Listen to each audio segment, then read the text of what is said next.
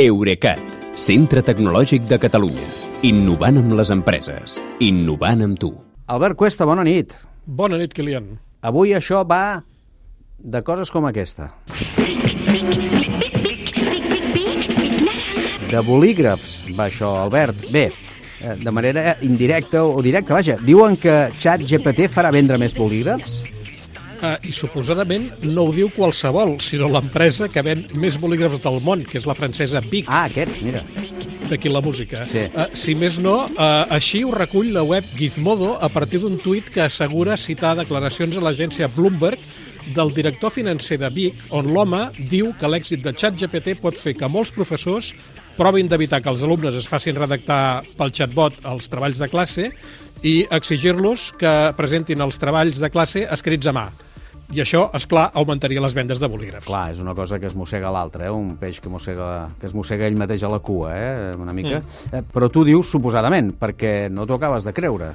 Jo el que no m'acabo de creure és que ho, això ho hagi dit el directiu de Vic, perquè eh, he buscat les declaracions originals i no les he trobat ni a Bloomberg ni a cap altre servei d'informació financera.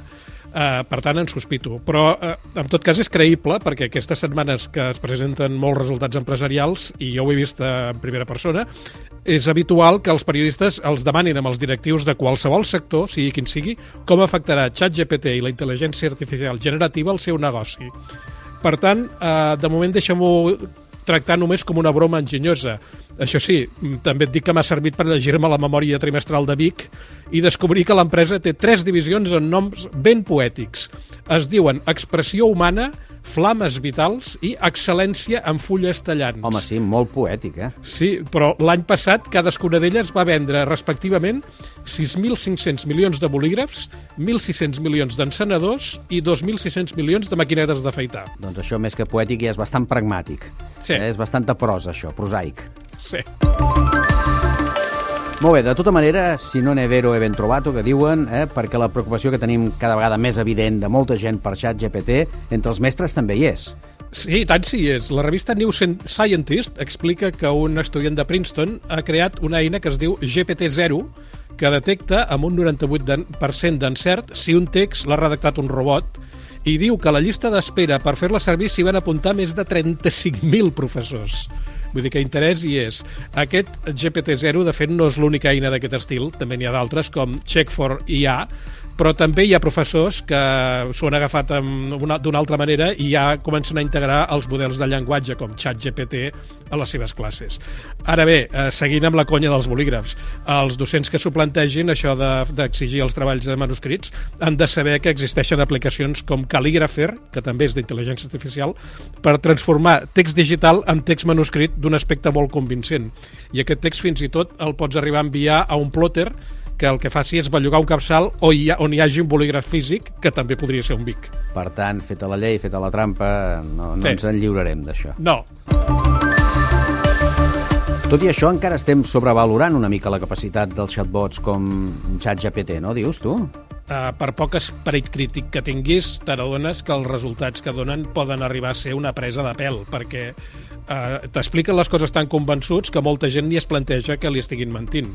Però la setmana passada, ho recordaràs, explicàvem que Google havia perdut 100.000 milions de dòlars en valor a la borsa quan uns científics van notar que BART, que és, seria el, el xat GPT de Google, havia contestat incorrectament una pregunta sobre el telescopi James Webb i les seves fotografies d'exoplanetes.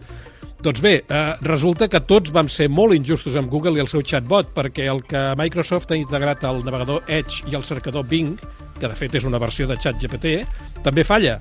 Per exemple, els directius de Microsoft presumien de que podia resumir en tres paràgrafs els conceptes i les xifres principals d'una memòria corporativa de 15 pàgines. Però quan algú s'ho ha mirat bé, ha vist que algunes de les xifres d'aquest resum no es corresponien amb les del document original perquè confonien beneficis bruts amb nets i coses així. Ves refiant, de moment, si més no, dels chatbots, eh? Sí, ara, de moment, millor que no. La tecnologia eh, jo crec que pot acabar sent una revolució, però encara està en una fase molt incipient, experimental, i si ha sortit al llum és només per motius promocionals. En aquest sentit, saps qui ha sigut molt més prudent que Microsoft i que Google? Qui? La meva estimada Meta, abans Facebook. A, a mitjans de novembre, Meta va fer públic el seu model de llenguatge galàctica, que seria el seu equivalent a ChatGPT i a BART, però només va estar disponible 3 dies, perquè quan van veure com la, la pifiava, el van retirar. Eh, negaré, negaré haver-ho dit, eh? però aquesta agilitat els honora. Enviarem aquest document a Zuckerberg, Sí. que no se l'esperarà. Moltes gràcies, Albert. Fins demà. Bona nit, Kilian. Fins demà.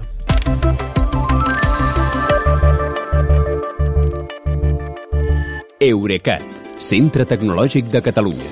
Innovant amb les empreses. Innovant amb tu.